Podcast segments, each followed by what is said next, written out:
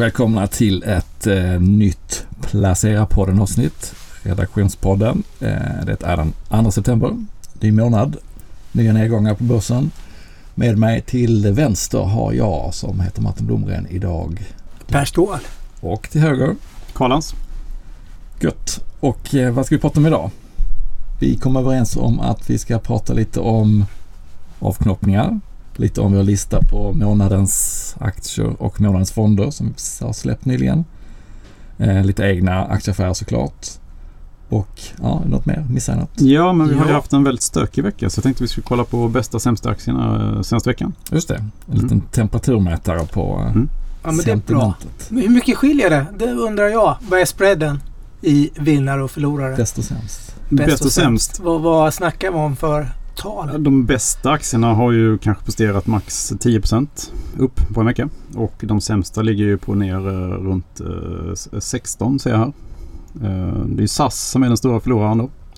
Eh, DNB släppte ju en rapport där de eh, satte riktkursen till 5 öre. Det skulle ju innebära då ytterligare en nedgång på 90% ungefär från nuvarande kursnivå.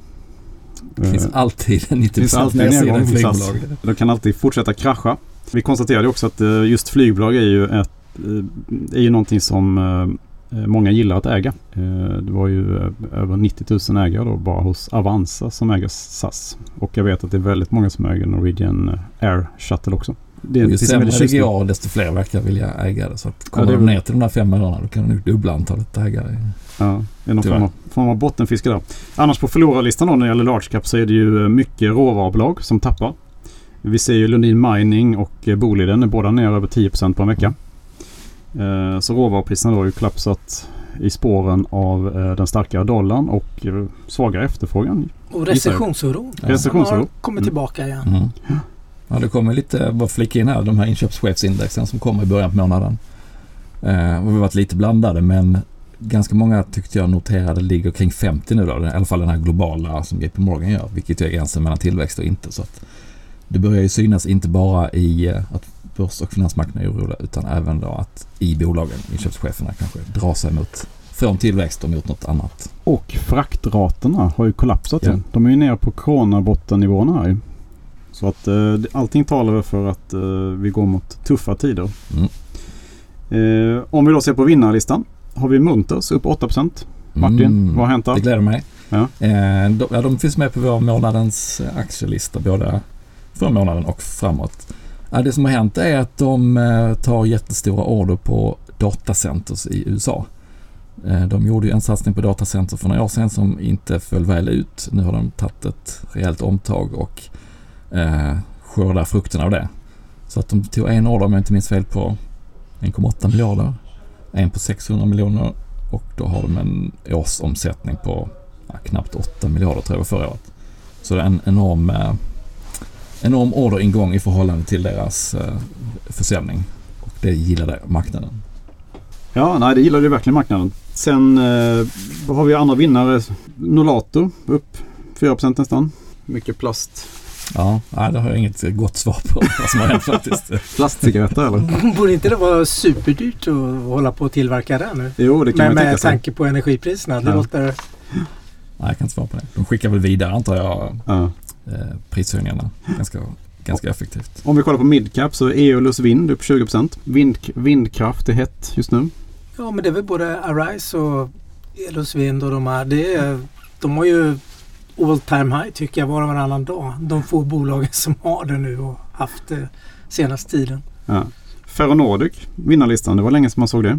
Då fick Mm, en fick till någon... deal med Volvo. de- ja, precis. De är på väg ur Ryssland som alla andra och fick någon ersättning på en 300-400 miljoner tror jag det var. Som nog inte marknaden riktigt hade räknat med. Mm. Så att, eh, ett, glädjeskutt men jag tror det fejdade ut ganska snabbt också. Det var först en jättestor uppgång och sen tappade ner. Så nu är det, nu är det väl Tyskland som de ska lägga allt fullt på. Björn Borg upp 7%. Mm, måste vara en studs för de gick ju ner ordentligt på uh, rapporten här veckan. Så att det är nog en, en studs upp. En, en död kattstuds. Kanske. Hoppas inte det. Död boll. Ja, men ska vi eh, gå Ska vidare vi, till... Vi var inne på månadens aktier. Ska vi Fortsätta med det? ta? Ja, det precis. tycker jag. Du Vi pratar ju lite munters som är med på listan. Precis. Vi har inte gjort med jättemycket förändringar och om man liksom tittar tillbaka de sista månaderna så har de förändringar vi har gjort har ju varit lite dragning åt det defensiva hållet. Att vi har varit lite oroliga för att det kan bli en utdragen eh, trist börs. Så att eh, inte så många förändringar. Jag gjorde faktiskt inga förändringar i de fyra jag har kastat in på den här listan. Det är Novo Nordisk defensiv eh, läkemedelsjätte Munterstör som är uppenbarligen är i hög form nu. Och så har jag Afry, konsultbolaget som jag tycker är lite billiga.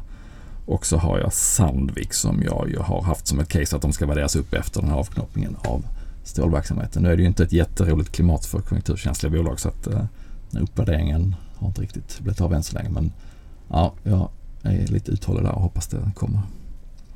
Eh, men vad, Kalle du gjorde ett byte väl? Eller du tog in en? Jag tog in en, en till. Eh, jag gjorde om mina aktieval förra månaden där jag gjorde den mycket mer defensiv då. Eh, tyvärr var ju, har ju de defensiva då presterat ganska dåligt den senaste månaden. Ner, I alla fall som index i alla fall. Men det nya jag tog in den här gången det var ju Universal eh, Music. Som är noterat på Amsterdambörsen. Det är då världens största musikförlag. Eh, de äger bland annat Rolling Stones och mm, Sting och alltså hur, hur många Rättigheterna till musiken. Eh. Precis, rättigheter till musiken. Så att de gynnas ju då av att uh, streamingtjänsterna ökar. Och uh, det är någonting där det är väldigt stark tillväxt i. Kommer fortsätta ha väldigt stark tillväxt under lång, lång tid. Så att under de nästa fem åren då så räknar man med en årlig eh, omsättningsökning med ungefär 10 procent och en årlig eh, vinstökning och vinst per aktie på ungefär 15 procent. Eh, och aktien har då kommit ner ganska mycket i värde från eh, då IPO-kursen. Den noterades för något drygt år sedan på Nederländska börsen. Så att det tycker jag kan vara en, en defensiv aktie med, faktiskt med mm. tillväxt då, under den här lite tuffa börsperioden som vi går igenom nu. Annars ligger jag kvar då i Monster Breweries som är då världens största energidrycktillverkare. Eh, de eh, äger inte själva några eh, produktionsanläggningar utan de hyr in sig. Och största ägare är Coca-Cola. Så att, och de har haft väldigt tjänat på återöppningen här i världen efter pandemin. Och de kommer göra aktieåterköp då. Som då förmodligen kommer att stötta kursen. Och sen ligga kvar i, annars ligga kvar i, i Thermo Fisher då, och i Carl Zeiss Meditech. Som jag också tror kan vara eh, defensiva eh, vinnare. Meditech är ju världens ledande på eh, instrument för operationer av gråstarr. Som ju inte kommer att minska direkt framöver. Vad har du gjort Per?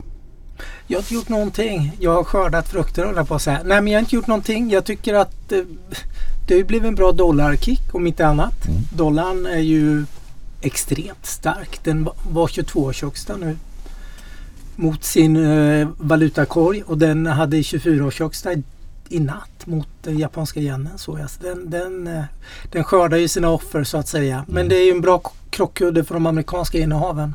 Och har varit så faktiskt. Nej, jag har kvar Blackrock, världens största kapitalfaltare.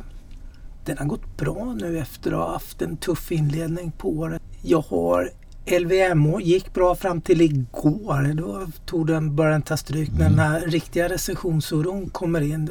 Inflationsoron, mm, det, det, den funkar bra som inflationshedge. De har höjt priserna mycket i år och det, det fungerar att få igenom dem.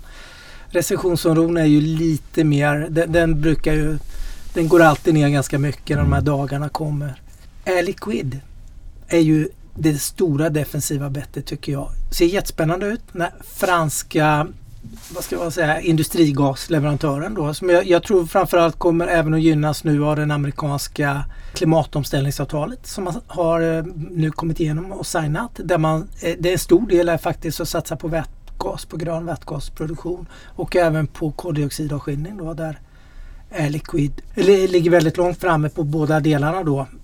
Så vi får se. Men produktionen ska ske i USA och sådär. Det finns massor med förbehåll i den här. Jag håller just på att läsa in mig på hela den här IRA som hela akten heter då. Eh, det är väldigt mycket USA-produktion men det kommer gynna skapa stor efterfrågan tror jag och framförallt man kommer få ner kostnaderna genom att man jobbar mycket med morötter. Kan det vara en aktie som kommer att gasa på då framöver? Ja, vi får se. Det, den, den, har nog betydligt mer att ge tror jag. Det är bara början på det hela. Mm. Så jag har inte gjort så mycket där. Men jag labbar ju runt lite på fonderna också. Och där Ja, tog jag väl eh, en av de få eh, platserna man kan gömma sig undan den här extrema inflations och recessionsoro. Det är faktiskt Japan. Ja.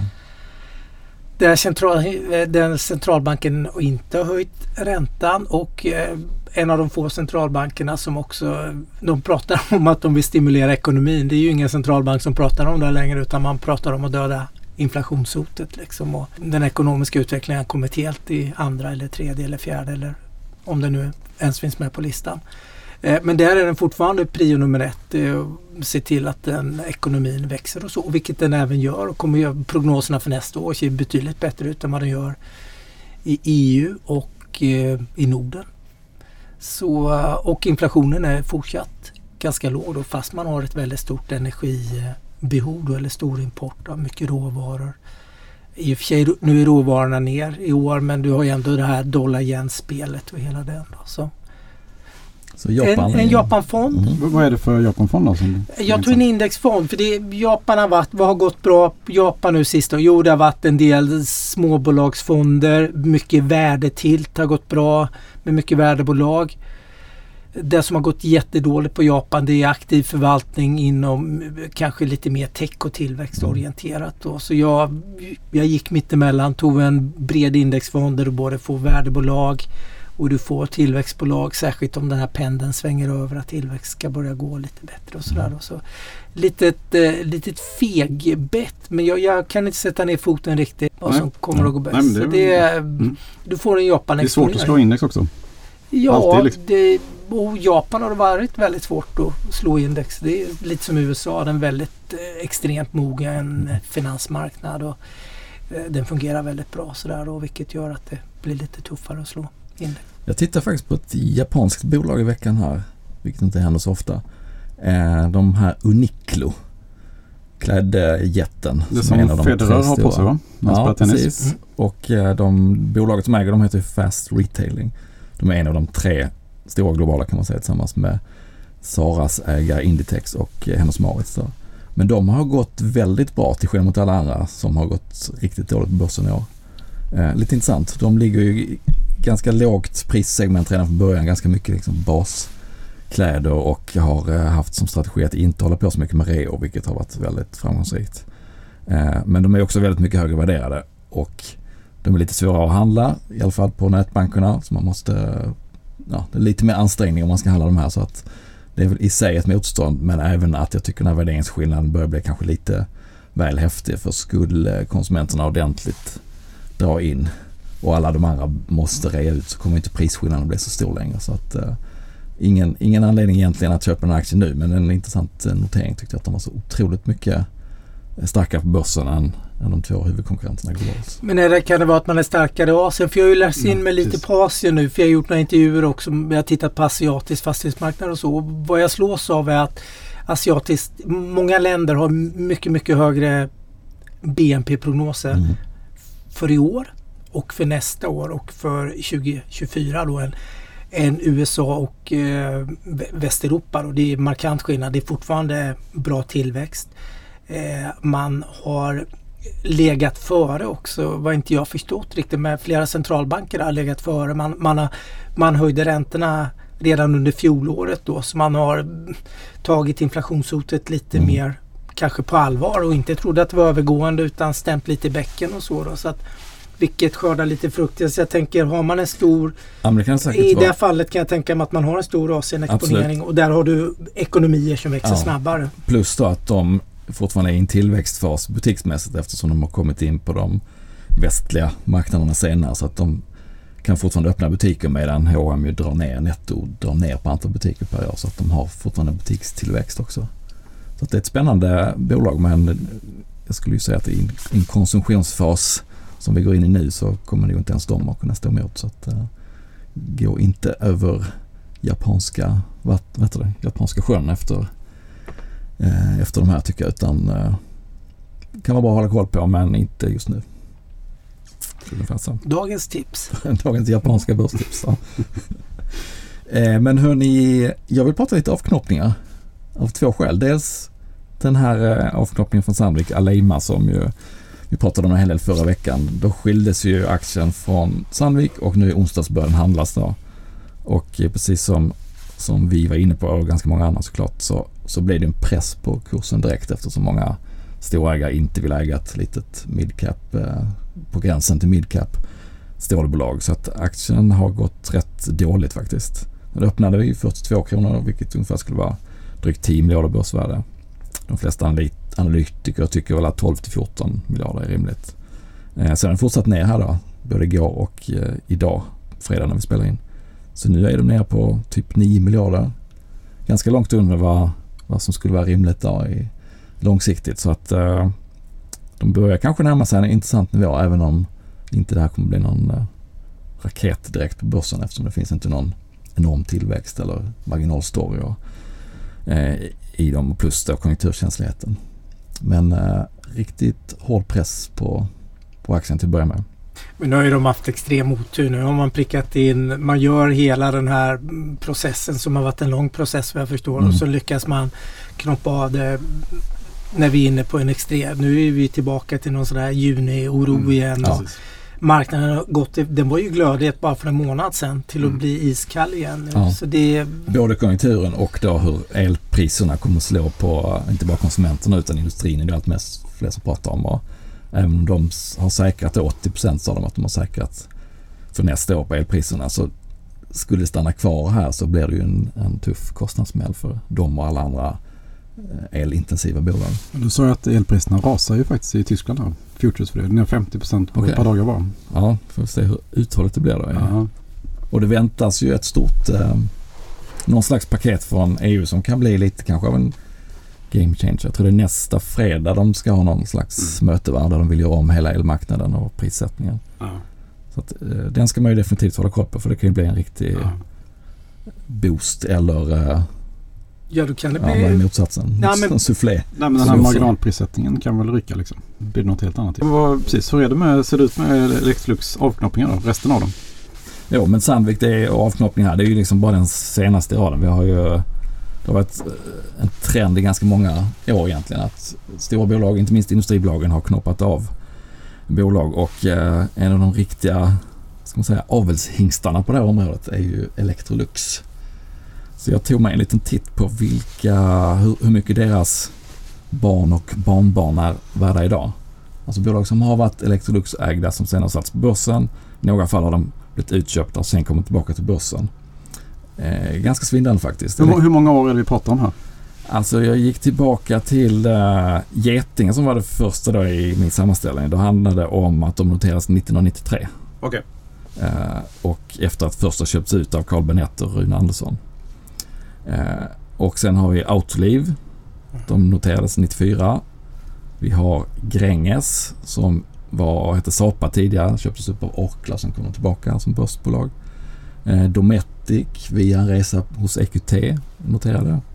Husqvarna kanske mest kända där som var en direkt avknoppning. Eh, Arjo som var då en avknoppning från Getinge i sin tur. Eh, Veoneer som var en avknoppning från Autoliv som blev uppköpta här i våras och till sist Electrolux Professional som ju så noterades mitt i pandemin för drygt två år sedan. Alla de här har en gång legat i Electrolux sköte. Och eh, Electrolux börsvärde idag 38 miljarder. De här, vad blir det? 1, 2, 3, 4, 5, 6, 7, 8 bolagens samlade börsvärde 283 miljarder. De skulle ha behållit dem kanske? Ja, skulle Nej, då skulle du inte, precis, skulle inte, fått det skulle inte sett ut så här. Det är det som, mm. som, eh, som var min poäng. Att det finns ju bra och dåliga exempel på avknoppningar men det här visar ju lite kraften i mm. att låta bolag som har eh, potential att eh, växa fritt och allokera kapital till tillväxtsatsningar hur stora de kan bli. För att flera av de här är ju större idag, större än Electrolux idag. Mm. Det är ganska fascinerande. Sen har de ju då haft sin hemvist hos andra under en period så att det är svårt att göra mm. exakta jämförelser. Men det, det, det här att de är liksom 7-8 gånger större idag än vad Electrolux är i börsvärde. Det säger ju någonting om vilken men det skulle vara intressant att, Det skulle ändå vara intressant att veta om de hade stannat kvar i hur det då hade sett ut så att säga. Ja. För, jag, menar att ett sånt bolag som LVMH till exempel. De köper ju upp olika liksom, sektorer inom lyx.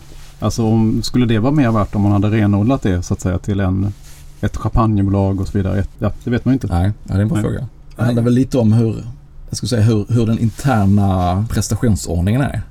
Om det finns en del som är ganska bra, vilket ju var fallet i, i Sandvik här, en del som var bra jämfört med konkurrenterna men rätt så mycket svagare än de interna bolagen så kommer de inte få den uppmärksamheten. De kommer inte få, få pengarna för att växa av styrelse och ledning.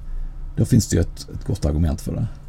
Men det är klart, har man en hyfsat jämn, jämn portfölj och det finns ett värde i att hålla samman det så, så kan ju den strategin funka lika bra. Så det finns nog inte ett, Nej, det är inget ett recept som gäller för alla. Nej, precis. Och det finns ju exempel där, där man har fått backa på det. Securitas till exempel, då, typiskt med avknoppningen av mm. det som heter Niskaya som de nu har köpt tillbaka via Stanley Security.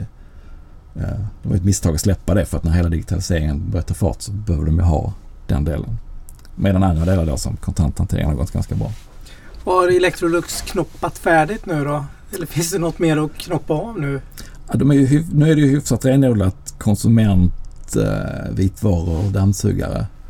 Men det finns, det har ju hörts en del röster om att de borde dela upp sig geografiskt då. Att USA-delen på egna ben skulle vara ganska mycket mer värd. Det var väl något år sedan den där idén luftades. Jag har inte hört så mycket om det sen dess. Nu är det kanske ett läge där man fokuserar på annat eh, med hela konsumtionspressen och el och stålpriser. Men eh, det skulle ju kunna, det, skulle, det är en högoddsare skulle jag säga men den, den är inte omöjlig. För man har ju sett, och man har sett att det har varit ganska höga priser på de stora affärer som gjorts i USA. Historiskt GE Appliances och Maytag var det väl för hans massa år sedan. Och eh, Electrolux i USA använder framförallt varumärket Frigidaire. Så det är inte, det är inte så att de måste ha en stor varumärkesdispyt att ta hänsyn till. Så att den är inte omöjlig men jag skulle inte säga att den är i närtid. Det finns ju däremot ett par andra som ligger i närtid. ABB ska ju knoppa av två bolag.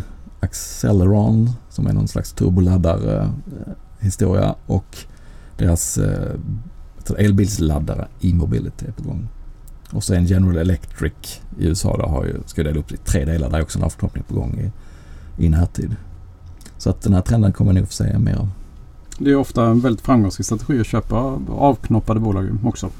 Precis. Och inte alltid, det pratade vi om förra veckan, inte alltid den som man tror ska vara vinnare utan den som, den som alla dumpar kan ju komma ner på som värdering så att går man in där så kan det bli en riktigt fin resa. Ja, verkligen.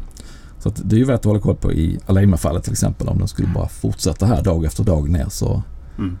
så kan man nog vara lite opportunistisk där. Tänk Hexatronic till exempel. Ja. Ericsson knoppning. En av Ingen vill ha. Nej, precis. För några år sedan. N när blir du sugen på att köpa Aleima? Aleima. Eh, jag, jag, hade, eller jag har Sandvik-aktier så jag har ju fått en liten eh, stek redan som jag inte har gjort någonting med. Min inställning innan avknoppning var att ska man sälja ska man nu göra det på en gång eller vänta, vänta ut tills fonderna har lite tömt magasinen. Eh, och det är väl fortfarande, skulle man sålt skulle man kanske gjort det första dagen då. Annars kan man sitta kvar lite och vänta ut vad det balanserar ut skulle jag säga. Men det är klart har man, eh, har man lite kortare horisont och vill försöka bottenfiska så ska man nog kunna plocka upp det om det kommer någon så här riktigt sura börsdagar som igår. Då var det väl ner 9-10% på den. Och sen kan det nog hämta sig. Jag såg att industrivärden hade ökat lite. Så att det, inte, det finns ju köpare också. Och långsiktiga ägare. Ja, och det kan dyka upp lite small cap, mid cap fonder kanske som, som dyker upp på köpsidan. Men exakt nivåerna där man ska gå in det, nej, det vågar jag inte ens skjuta från höften med. Men du kommer att vara kvar nu då? Jag tolkar att du kör B-strategin då om vi får kalla den så eller andra strategin då? Som ja. att du inte sålde direkt på Nej, precis. studs? Nej, jag tror jag väntar ut lite och ser. Och det, är ganska, det blev ju en väldigt liten del. Det var ju en 5, Sandvik gick ner 5 så det är 5 av det innehavet man hade innan. Så det blir en liten del av portföljen om man inte ökar då, för de flesta. Ja, lite, jag avvaktar lite och, eh, men skulle den komma ner väldigt mycket till så kan jag nog tänka mig att öka istället för att gå ur. Men om vi ändå pratar trender nu, tror, har Sandvik mer att ge? Kommer de, har de fler saker man kan man, menar du? Ja, om man nu har fått lite smak på det här. Och... Jag tror inte att det är något man ska vänta sig i närtid men det är klart att det är ju en logisk fråga eftersom det är två ganska separata verksamheter som är kvar också. En stor gruvdel och en stor verktygs uh, metal cutting del då som, som i sig inte har jättemycket synergier. Däremot finns det ju fördelar med att ha en, en stor grupp Eh, där man kan dela centrala kostnader och man kan ha eh, utbyte av kunskap och personal mellan delarna och varumärke och annat. Så att jag tror inte att det ligger i närtid men det är klart eh, skulle det vara en sur börsutveckling många, många år så kommer man kanske att tänka att där, här finns värden som inte marknaden uppskattar. Alltså får vi vara lite tydliga och visa att det är värt mer än de här två delarna. Men jag tror inte det ligger i närtid. Nej, men det är spännande att se och man har ju ändå tagit ett stort steg nu genom ja. att göra den här avknoppningen. Jag ja. tänker även ABB nu att det, det, Har du tagit första steget och det är lite lättare att ta både andra och Verkligen, tredje steget precis, framöver. De, och du kan processen, mm. du vet hur, hur eh, hela processen går till. Och, har ni gjort mycket egna affärer nu då? Turbulent vecka med stora svängningar uppenbarligen. Det är, vad sa vi? Det var 26 procentenheter mellan vinnare och förlorare ja, i veckan. Har ni hur ja, har ni agerat? Vi har faktiskt gjort uh, ganska mycket liksom. Uh, Låt höra. Yes, jag har... Uh, jag, gick, jag, lanser, jag sa ju att jag gick in i Sverige förra veckan. Och jag har fortsatt den trenden och har uh, gått in i, fortsatt gå in i Investor faktiskt.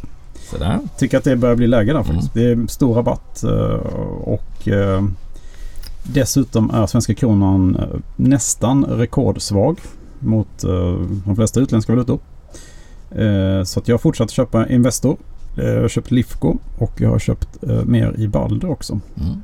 Och sen har jag faktiskt gjort en, en fire sale i ett säkerhetsbolag som heter Okta. Som kom med en ganska svag rapport där aktien till slut föll över, lite över 30 procent oh, under torsdagen. Mm. Så jag sålde faktiskt dem Sen var det då ett bolag som heter MongoDB som är världsledande på eh, program för hantering av databaser. Mm. Eh, som eh, hade en jättebra rapport men de sänkte guidance lite grann för 2023. Och i den här miljön som var igår då så räckte det för att sänka aktien med 25 procent. Så att jag dubblade mitt innehav i den istället. Så jag kan säga flytta över pengarna från Okta då till MongoDB istället. Som jag tror är långsiktigt en väldig vinnare. Liksom. Det är ja, de det Microsoft. Stora, stora kast i de där. Så det, ja, det är, det är inte det är otroliga när det blir besvikelser. Nej, men det är ju klart hög värdering också som gör att det, mm. det blir så. Men just i Okta är det väl lite grann att uh, där är det inte bara då uh, makro som spelar in utan det är någon, någonting annat också i bolaget som mm. inte riktigt stämmer. Det är den här inloggningstjänsten. Exakt, som... det, är, det är identitetsinloggning mm. då på fjärrinloggning. Det är väl mina i huvuddrag mina affärer. Jag köpte Dome också precis. Som också var ett litet bottenfiske då. Uh, som har uh, fallit mycket under IPO-kurs nu. Det finns mycket som har fallit väldigt kraftigt och vi är nere på junibottnarna här i princip. I, eller ännu lägre i många aktier. Ja, vad har ni gjort? Jag har, jag har köpt en ETF. Ja. Jag har köpt iShares Global Clean Energy ETFen som följer S&P Global Clean Energy Just Index. Det. det är mycket energibolag i va? Jag ja, det är mycket. En, de stora drakarna ju, det blir de här Enphase. Ja. Eh, största innehavet. Vad är det solenergi eller? Eh, de gör converters inom solenergi. Sen har vi det andra som jag tappar namnet på. SolarEdge. SolarEdge ja. ja. Tack Carl. Israeliskt. Det är israeliskt också. Converters, solenergi, optimering och mm. massor med smarta grejer. Det är köpt. Eh, Sunrun är också med säkert. Sunrun är med, Plug Power är med också. Det, det, du mm. får... Mm, det bästa. Ja, du får ett hundra, runt hundra mm. ledande globala då inom förnyelsebar energi. Men, men det var Blackrocks du, du köpte eller? Nej, iShares. iShares, men det är Vilken Blackrock. är Blackrock? Ja, det är Blackrock. Såklart. Såklart. Men du, det är den jag äger också ju, säga. Jag ska mm. bara dubbelkolla det. Men uh, nej, jag äger inte den. Jag äger den som heter FunEc Hydrogen Economy istället. Jo. Inte istället, men som... Nej, Nej, men jag har, ja, jag, jag, tyck, jag har skrivit om den här, tycker mm. den är bra. Mm. Och är Blackrock-ägare. Så jag mm. tänkte då får jag väl handla lite Hålla hos mig familjen. själv. Mm. Ja, inom familjen. Blackrock-familjen. I Blackrock-familjen. Vi får se. Den, eh, det är det jag har gjort. Jag har tänkt att det blir brett och bra. Jag köper ju på en dyr dollarkurs. Ja, jag tänkte också det. Det är hemskt att göra det. Men... Ja, det är hemskt att göra det. Ja. Men jag tror att underliggande strukturellt nu med det som händer i EU nu och även i USA med den här stora omställningen som ska göras nu när det ska stimuleras så mycket kommer att leda till så otroligt mycket investeringar. Det här paketet är ju på 370 miljarder ungefär i US-dollar. Ett nytt Apollo-program liksom. Ja, men, men, grejen är att den här effekten i andra ledet med företagen räknar man att det ska bli 1,2 triljoner. Att det ska skapa så mycket investeringar då. Eh, genom den här stimulansen som görs nu då att företagen ska investera så mycket och privat. Så det, jag, jag tror att det kommer hända jättemycket. Så Mm. det var det, den, den affären jag har gjort Ja, det är väl under veckan. klokt. Men jag har varit på köpsidan och inte på säljsidan. Då har jag varit på andra sidan. Har du sålt det? Jag har sålt min lilla Summer Flirt i Spotify. Som jag köpte i början på sommaren. när Det var, senast det var riktigt techfrossa var de ordentligt nedtryckta. Eh, den har ju hoppat lite upp och ner men det är väl uppe kanske en 5-6 procent och så plus dollarn på det. Så att ja, en helt okej okay vinst med tanke på klimatet det här året. Eh, de är ju väldigt nedtryckta jämfört med toppnivå och eh, även IPOn. Men eh, jag är lite rädd att allt konsumentrelaterat, även om det har varit så mycket prat om redan. Det, vi har nog inte sett det värsta än och skulle det bara komma lite svaga liksom, tecken på abonnenttillväxt eller sådär så kanske de åka på en riktig avhyvling igen. Så att jag tog hem en vinst där och eh, kan tänka mig kanske komma tillbaka någon gång men eh, Det är säkra att äga Universal Music Group kan jag säga. ja det är nog. Mm. Så att eh, den har jag sålt men det är det enda jag har gjort. Så att jag ligger kvar med rätt rejäl andel kassa faktiskt. Och inte hoppas ska jag inte säga men kanske tycker att risken är lite för stor för att vi kommer få fler sådana här perioder som vi är inne i nu med oro för både för allt liksom på en gång. Och att det kan trycka ner kurserna en, en del till. Eh, Så att jag ligger och lurpassar och eh, tänker mig att jag ska köpa någon gång under hösten men inte riktigt än. Du som gäddan i vassen liksom. Mm. Mm. Gammelgäddan. Mm. Gott, men eh, har vi något mer att avhandla eller ska vi eh, stänga butiken för den här veckan? Vi stänger väl. Ja, jag Ja. tycker det. Mm. Då önskar lyssnarna trevlig helg. Trevlig helg. Trevlig helg.